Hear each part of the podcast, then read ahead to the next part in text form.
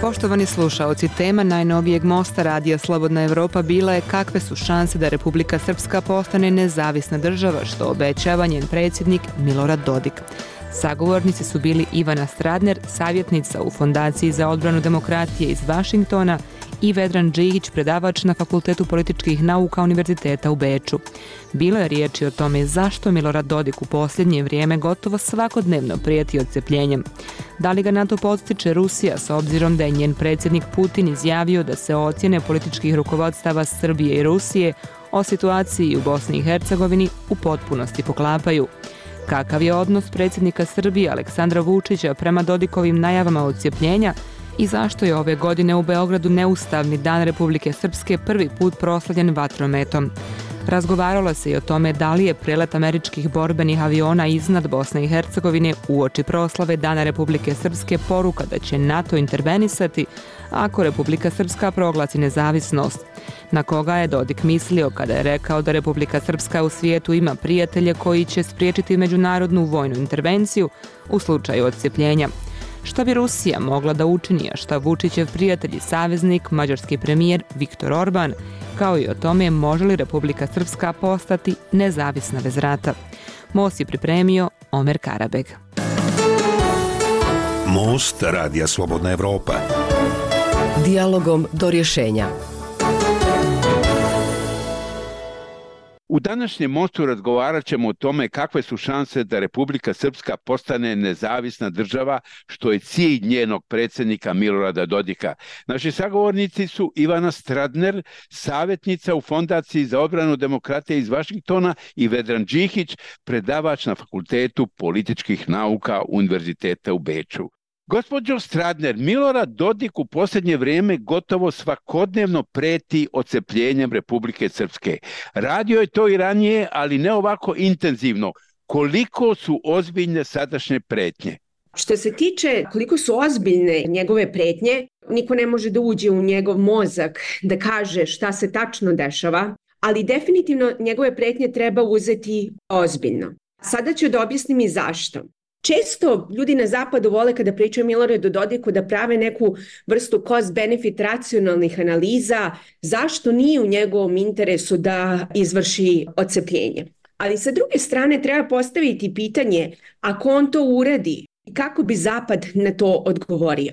Postoje dva faktora, po mom mišljenju, koje utiču na njegovu odluku. Sa jedne strane, stvaranje to nekog srpskog sveta koji Milorad Dodik zajedno sa Vulinom i još nekoliko političara izuzetno potencira je ideološki vođenje i moramo da razumemo tu situaciju kroz Milorada Dodika i Vučića i Vulina kroz neku ideologiju. S druge strane postoji uticaj Rusije zašto Rusiji govara da Milorad Dodik je njihov jedan od najbližih ljudi na Balkanu, tako nešto uradi. Rusiju apsolutno ne interesuje Republika Srpska i Bosna i Hercegovina i Balkan kao takav. Njih samo interesuje destabilizacija i kroz Milorada Dodika oni to apsolutno pokušavaju da urade. A zašto? Da bi pokazali da kada se to desi, da Zapad apsolutno neće ništa odgovoriti. Tako da iz ove perspektive ja mogu samo da kažem da su njegove pretnje ozbiljne I postoji razlog i zašto je ambasada Sjednjih američkih država u posljednjih nekoliko mjeseci izuzetno bila glasna po ovom pitanju. Gospodine Đihiću, mislite li vi da su ove sadašnje učestale pretnje Milorada Dodika o ocepljenju ozbiljne? Prijetnje Milorada Dodika su na neki način dio političkog folklora i kolorita u Republici Srpskoj i to je na neki način srž njegove politike to je politika glasnog, ponekad vulgarnog, nacionalističkog despota koji ne preza ni od čega. Taj narativ postoji već jako dugo. Do sad je to tako izgledalo da bi Dodik pojačao i zaoštrio narativ pa onda napravio neki mali korak nazad, pa se malo primirio, pa bi opet eskalirao. Znači uvježbana stvar. Sad pitanje je naravno da li je u ovom momentu ovo mnogo ozbiljnije nego prije. Ja još uvijek nisam ubijeđen da bi Milorad Dodik konkretno u ovom momentu bio spreman da napravi tako veliki krupan korak kao što je secesija. Mislim da bi u tom momentu njegov politički život visio o koncu i da takva Republika Srpska ne bi mogla da preživi, ali nikad se ne smije polesti od toga da se ne može desiti ono najgore. Ali ono što je u svakom slučaju opasno je činjenica da se na taj način svakodnevno dižu tenzije, da se raspiruje nacionalna mržnja i na jednoj i na drugoj strani, da se stvara jedan vještački jaz između naroda Bosne i Hercegovine koji u suštini nije centralni problem građana u ovoj zemlji. Taj vještački narativ u Republici Srpskoj koja je navodno napadnuta, de facto je niko ne napada, to je uparavan za ono što je SNSD i Milorad Dodik predstavljaju, a to je jedna korumpirana, kleptokratska elita, stranka koja je i samu zemlju dovela na rub bankrota i koju je zaista samo na kraju stalo da ostane na vlasti. Gospođo Stradner, pomenuli ste Rusiju i njenu ulogu.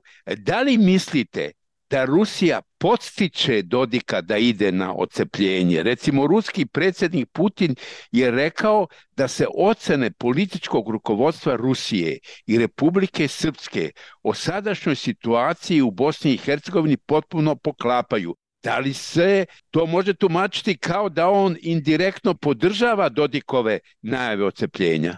Apsolutno. Milorad Dodik je glavna karika Vladimira Putina u regionu. Ovo treba gledati iz perspektive mnogo veće nego samo što se dešava u Republici Srpskoj i uopšte na Balkanu. Kao što sam rekla na početku, geopolitika se potpuno promenila od februara 2022. godine i Rusija pokušava da otvori drugi front kako bi učinila sve da Zapad troši svoju energiju i resurse bilo gde, samo ne na Ukrajinu. Tako da Balkan igra izuzetno važnu ulogu u Putinovoj strategiji. Bilo da raspiruje tenzije na Kosovu, bilo da raspiruje tenzije u Republici Srpskoj. Trenutna politika Sjedinjenih američkih država je nešto što se zove appeasement. To znači da se daje apsolutno sve moguće neprijateljima Amerike, bilo da je u pitanju Iran, bilo da je u pitanju Kina, bilo da je Vučić ili Dodik,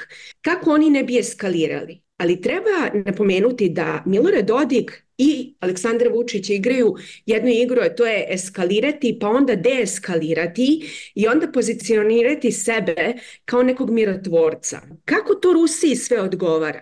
Ja sam poslednjih par dana pratila ruske informacijne operacije na Telegram kanalima. Te informacijne operacije nisu čak ni napisane ni na srpskom jeziku, već postoji celo neko telo određenih grupa kanala koje kontrolišu narativ.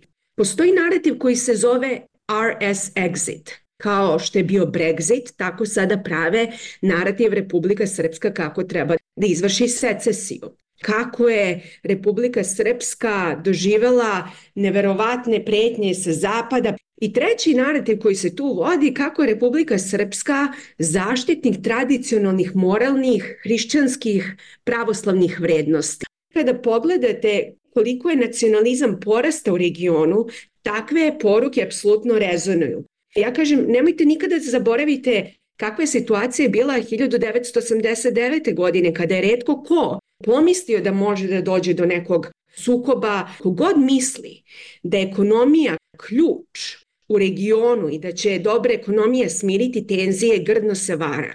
Zato što je ovo pitanje neke mnogo veće globalne politike i ne treba apsolutno zanemariti ulogu Rusije u svemu ovome koja apsolutno koristi Milorada Dodika za svoje igre. Samo posljednju stvar koju želim da kažem, to nije samo Amerika, već i Europska unija, koja naivno misli isto da kroz dodatne podstica ekonomske da će promeniti politiku Milorada Dodika. Ja ne vidim da će se promeniti u bilo koje skorije vreme. Gospodine Đihiću, mislite li vi da Putin podstiče Dodika na secesiju? Prva stvar koju bih rekao je da često naši narodi, a i naši politički lideri u regiji sebe vide kao mnogo važnijima nego što zaista jesu. Ovo je veoma mala regija, ima određeni strateški značaj u Evropi, ali niti Milorad Dodik, niti Aleksandar Vučić i neki drugi nisu toliko važni nekim velikim geopolitičkim okvirima.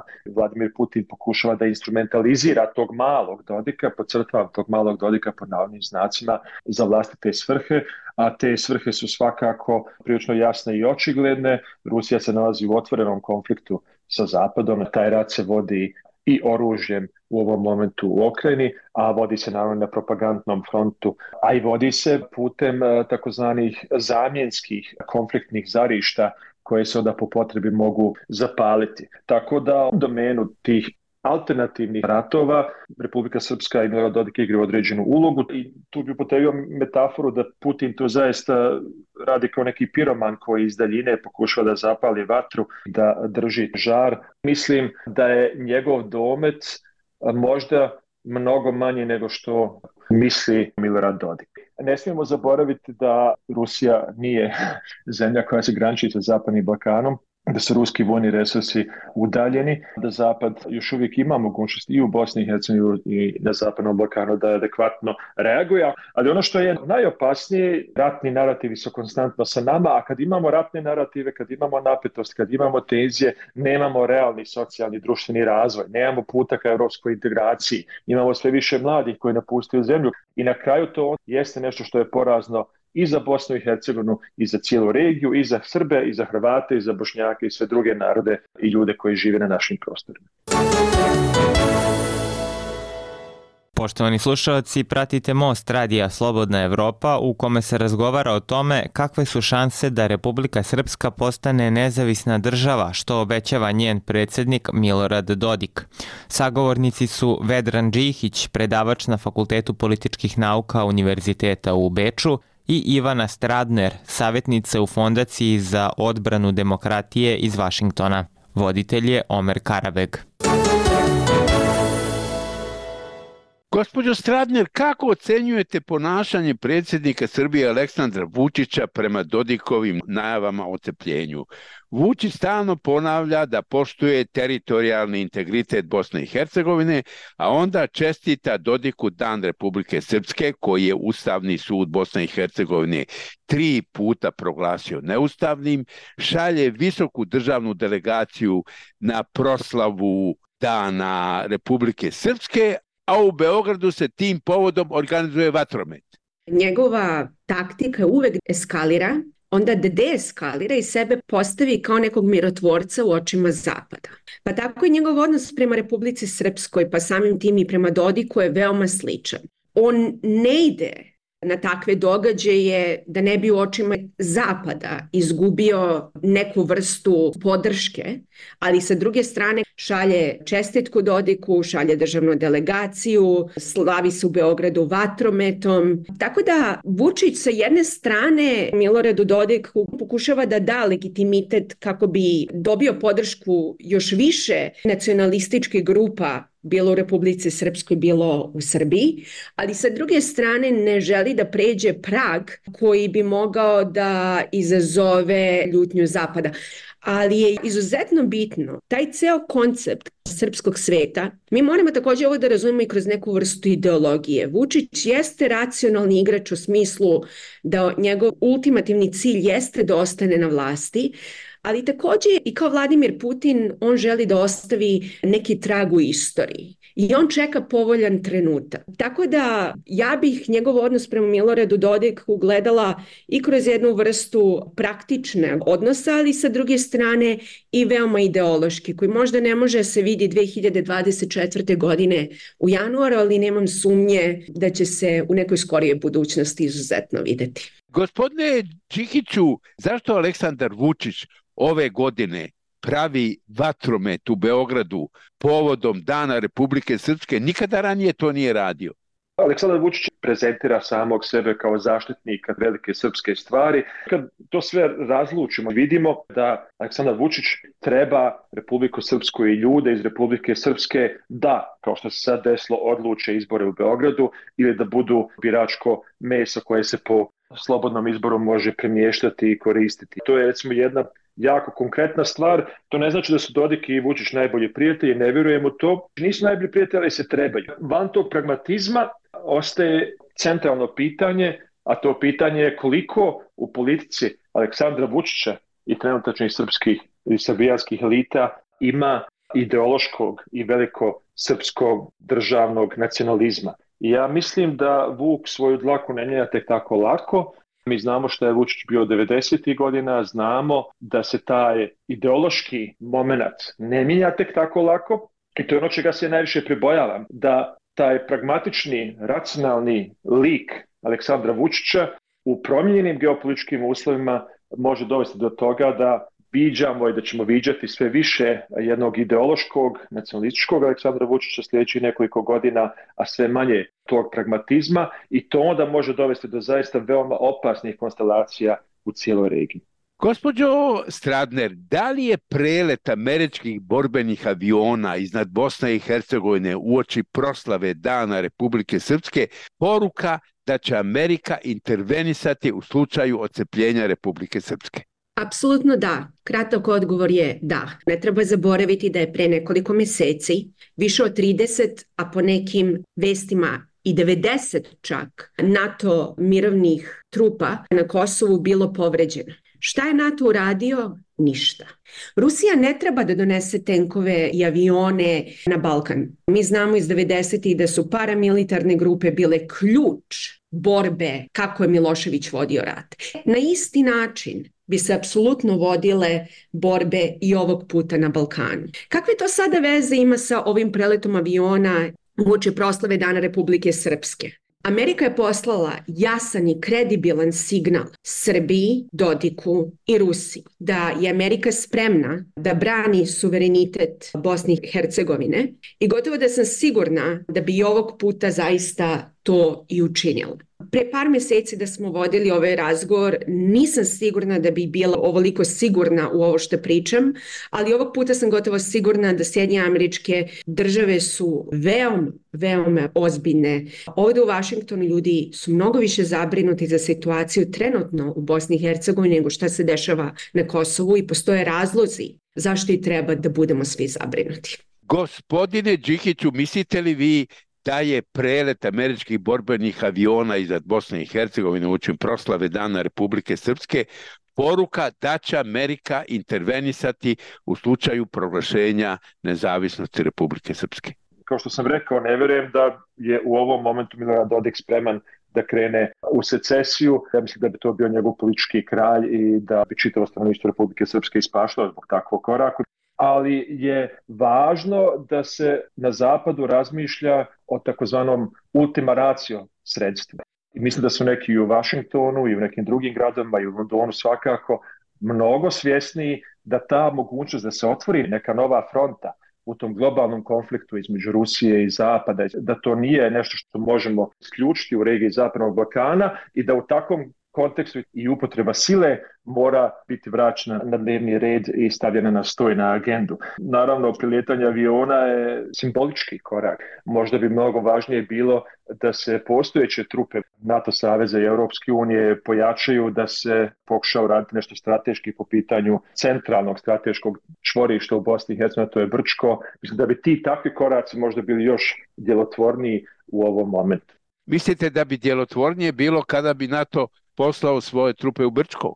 Pa ja mislim da je Brčko centralna stvar. Ako se znači iz ove političke logike koje smo imali do sada premjestimo sigurnosnu logiku, u vojnu logiku, nisu više dovoljni samo simbolički koraci kao prilijetanje F-16 borbenih aviona, nego onda imamo jasne stvari, a jedna od najjasnijih stvari je da je Brčko centralno za opstanak Republike Srpske, Brčko povezuje centralni dio Republike Srpske sa Srbijom i da bi sigurnosno sredstvo koje bi u ovom momentu moglo biti najdjelotvornije da odvrati svaki takav pokušaj koji bi bio koban za sve u Bosni i Hercegovini je da se pojačaju i stacioniraju dodatne trupe u području Brčkog i na taj način pošalje signal da se na zapadu razmišlja o tom ultima raciju iz vojne perspektive. Gospođo Stradel, mislite li vi da se na zapadu razmišlja o slanju NATO trupa u Brčko? Da li će se to desiti ili ne, ja zaista nemam informaciju, ali apsolutno mislim da je to od izuzetno velikog značaja, jer na taj način bi se zaista poslao ozbiljan signal i Beogradu i Dodiku i Moskvi šta će biti konsekvence. Jer nemojte zaboraviti, opet ću reći, ako se nešto desi, to će se desiti putem paramilitarnih grupa. Rusija nema apsolutno mogućnost da vojno pomogne Dodika. Ono što oni radi, što će raditi, to će biti kroz paramilitarne grupe. A gotovo sam sigurna da NATO apsolutno ima dovoljno kapaciteta da se sa time izbori. Poštovani slušalci, pratite Most Radija Slobodna Evropa u kome se razgovara o tome kakve su šanse da Republika Srpska postane nezavisna država, što obećava njen predsednik Milorad Dodik. Sagovornici su Ivana Stradner, savjetnica u Fondaciji za odbranu demokratije iz Vašingtona i Vedran Džihić, predavač na Fakultetu političkih nauka Univerziteta u Beču. Voditelj je Omer Karabeg. Gospođo Stradner, Dodik je izjavio da ima prijatelje u svetu koji će sprečiti međunarodnu vojnu intervenciju u slučaju da Republika Srpska proglasi ocepljenje. Na koje prijatelje mislio? Gospodin Dodik je apsolutno pre svega mislio na svog prijatelja u Moskvi, kako on voli ga zove, a to je Vladimir Putin, ali to je prijateljstvo isključivo instrumentalnog karaktera. Kao što sam rekla malo pre, Oni nemaju kapaciteta da vojno pomognu Miloredu Dodiku. Ono što će on Rusija moći eventualno da uredi, to je da u Ujedinjenim nacijama pred Generalnom skupštinom verovatno zatraže neku inicijativu, mogu da nastave da pomažu putem obaveštenih struktura i paramilitarnih struktura.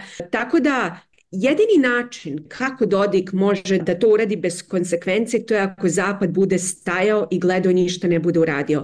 Upravo ono što je NATO uradio pre par meseci u Banskoj. Ja se nadam da se ovo neće desiti. Gospodine Đihiću, po vama na koje je to prijatelje u svijetu mislio Dodik kada je rekao da bi oni spriječili međunarodnu vojnu intervenciju? Ukoliko su Putin i Dodik prijatelji, to bi stavio pod veliki znak pitanja, pošto kao što znamo kod Putina tu nema nekih velikih prijateljstava, sve su to instrumentalni odnos, znači on je spreman da danas nekoga grli i izljubi, a sutra da ga pusti niz vodu. Tako da tu nema velikog prijateljstva. Onaj ko bi možda mogao biti taj na kog je Milorad Dodik mislio je mađarski premijer Viktor Orban. Evo sad tokom ove neustavne proslave Dana Republike Srpske mu je dodijelio najveći orden koji je primio i Vladimir Putin. Jasno je da Mađarska već nekoliko godina jeste onaj trojanski konj iz Europske unije koji ne samo izjedan vrednostni okvir Europske unije iznutra, nego koji u svojoj politici prema Srbiji, prema Republici Srpskoj, prema regiji Zapadnog Balkana pokušava da promovira autoritarni vrijednosti. Mislim da je zaista Milorad Dodik mislio i na Mađarsku, ali moramo i tu da budemo realni. Mađarska jeste važna zemlja Europske unije, ali mislim da i Viktor Orban precenjuje svoj značaj u okviru Evropske unije i Dodik misli da je mnogo veći nego što jeste, da ima mnogo više prijatelja nego što ih ima. Ja mislim da je on trenutno u većini gradova Evropske unije persona non grata, nigdje ne može da putuje, ne napušta Republiku Srpsku i Srbiju, osim povremenih izleta u Moskvu. A ono gdje mu zaista njegov prijatelj Viktor Orban na kraju krajeva može pomoći, a to je da mu ponudi azil u Budimpešti u onom momentu kada Milorad Dodik postane politički relevantan kao što je to učinio sa bivšim makedonskim premijerom Nikolom Grujevski. Znači, taj neki prijateljski čin bi mogao Dodik da očekuje na kraju krajeva od Viktora Orbana. Ja nemam sumnje da Dodik računa na Orbana, ali ne treba da zaboravite da Orban kao i Vučić koristi veoma sličnu vrstu racionalne cost-benefit analize kada je u pitanju spojna politika. Ključ Orbana jeste da ostane na vlasti, jeste da može da ucenjuje Europsku uniju i videli smo u ostalom kako nekada se to završi pogubno po Mađarsku. Ako pogledate kako Mađarska reaguje i kako Mađarska gleda na NATO, ona jeste glasna, ali do sad ništa nije uradila da podriva unitarnost NATO. Tako da, imajući u vidu ovu vrstu istorije Orbana i Mađarske, ja bih uzela sa nekom vrstom sumnje da bi Mađarska mogla da nešto konkretno uradi u ovom slučaju. Ali smatram da ne treba da se uopšte oslanja konkretno samo na EUFOR ili NATO, već se napravi neka vrsta koalicije zemalja koje bi u slučaju da dođe do secesije nešto uradile. Imamo precedente u, u istoriji zašto to ne bi moglo se iskoristi i ukoliko Dodik odluči sa nepromišljenom odlukom secesije. Gospodine Đikiću, mislite li vi da bi Evropska unija, odnosno Brisel, pratili Sjedinje američke države kada bi krenuli u intervenciju da spreče secesiju? Ja nemam nikakve sumnje da bi zemlje NATO saveza, znači većina zemalja Europske unije, zajedno sa Amerikom donijeli odluku zajednički. Ne bi najvjerojatnije Amerika išla potpuno samostalno u neku vrstu intervencije u tom nekom najgorem mogućem scenariju. Pratili bi je definitivno i Velika Britanija, a i neki saveznici iz Europske unije. Gospođo Stradner, Dodi kaže mi ne želimo rat. Naš cilj je srpska država na ovim prostorima. Može li se taj cilj ostvariti bez rata? Ja mislim da on to može da ostvari bez rata ukoliko promene kako u Evropi tako i u Americi budu igrale u njegovu korist. Sve što Dodik želi da uredi jeste samo moguće koliko Zapad ništa ne bude uradio. Kao što sam rekla, pre par mjeseci, ponovit ću po treći put danas, ono što se desilo u Banskoj dok je NATO slepo gledao šta se dešava i ništa nije uradio osim što je napisao da su zgroženi šta se desilo, to je upravo ono kako situacija može da se desi i u Bosni i Hercegovini. Najjednostavniji način za ostvarivanje njegovih ciljeva jeste putem paramilitarnih grupa. To niti može da se lako dokaže veza, kad kažem lako, sigurno može u smislu obaveštenih agencija kao što već postoje različiti narativi šta se u stvari desilo u septembru na Kosovu. Tako da jedini način kako on može da ostavi svoje ciljeve je ako Zapad ostane pasivne za tom, onda nije potreban rat. Ali ja zaista mislim da ovo preletanje aviona ove nedelje od strane Sjednjih američkih država su jasne poruke Dodiku da tako nešto neće moći da se desi. Gospodine Đikiću, mislite li vi da Republika Srpska može ostvariti nezavisnost bez rata? Ja potičem iz Republike Srpske, iz Prijedora, ali ne živim u Republici Srpskoj već duže vremena, ali da sam ja stanovnik Prijedora, Banja Luke, Doba ili bilo kojeg drugog grada u Republici Srpskoj i Bosni i Hercegovini, moj prvi bi cilj bio da živim normalan život. Život koji je vrijedan života. Život u dostojanstvu, život gdje mogu da svojim trudom zaradim dovoljno da prehranim svoju porodicu, život gdje mogu da imam adekvatno obrazovanje, adekvatnu medicinsku skrb i tako dalje i tako dalje. Ono što se Republici Srpskoj u ovom momentu dešava je rapidno gubljenje stanovnika. Možda Dodik može da ostvari srpsku državu u Republici Srpskoj za nekih 700-800 hiljada maksimalna stanovnika od koji su većini penzioneri i ekonomski neaktivna populacija. Ovakva politika Milorada Dodika, ovakva retorička taktika i ovakva vrsta narativa, proizvodnja tenzija dovodi do toga da sve više mladih napušta Republiku Srpsku i da i Republika Srpska koja čitava Bosna i Hercegovina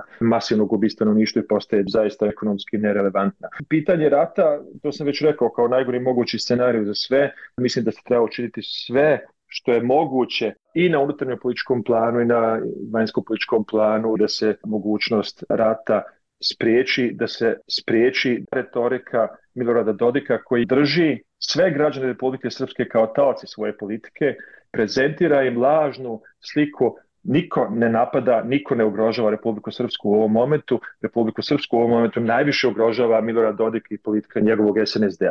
Naravno, u nekom najgore mogućem scenariju to se može eskalirati do rata, ali Zapad još uvijek ima velike resurse i mislim da je spreman da stane u zaštitu suvereniteta i teritorijalnog integriteta Bosne i Hercegovine. Mislim da bi to bio jedan harakiri scenariju za Milorada Dodika i da vojnim putem ne bi mogao da ostvari gotovo ništa, nego bi samo još više uništio ono što Republika Srpska i Bosna i Hercegovina jesu u ovom momentu.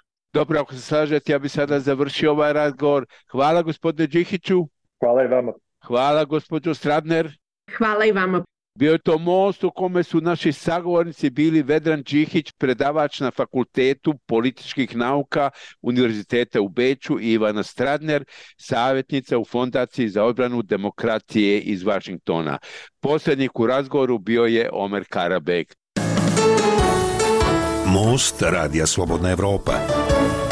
Dialogom do rješenja.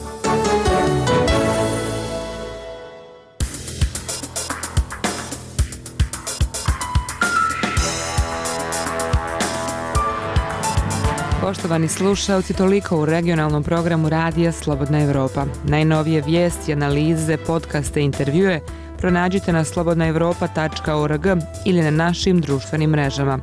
Do narednog slušanja, lijep pozdrav!